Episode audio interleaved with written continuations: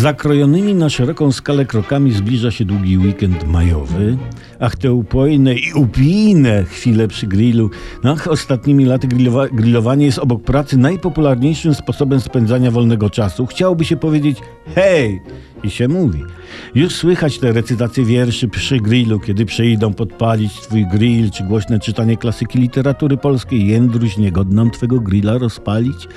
Pewnie odbędą się grille poparcia dla rządu, grille poparcia dla opozycji, inne tematyczne, tematyczne z tym, że taka uwaga na marginesie a proposu, aczkolwiek dotykająca sedna meritum. Dotykająca.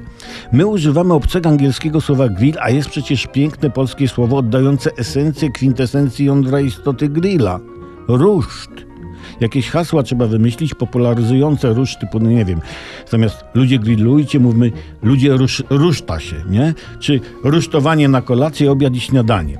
Ale w tym roku synoptycy mówią hola hola babies. Hola hola babies. Właśnie w trakcie majowego weekendu na, ma Polskę nawiedzić bąbel zimna, jak oni to nazywają.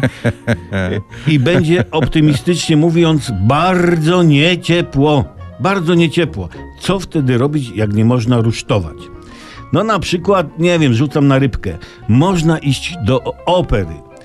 Co, e, no, bo w majowy weekend prawdopodobnie, ale to trzeba sprawdzić, nie ma przedstawień, więc nikt nie wyje na scenie. I można w ciszy zwiedzić budynek, nie narażając się na arię. Wejść do opery można przez wąskie okienko w przyziemiu, prawda?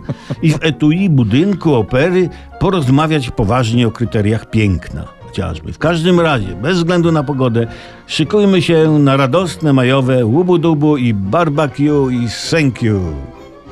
Czy coś.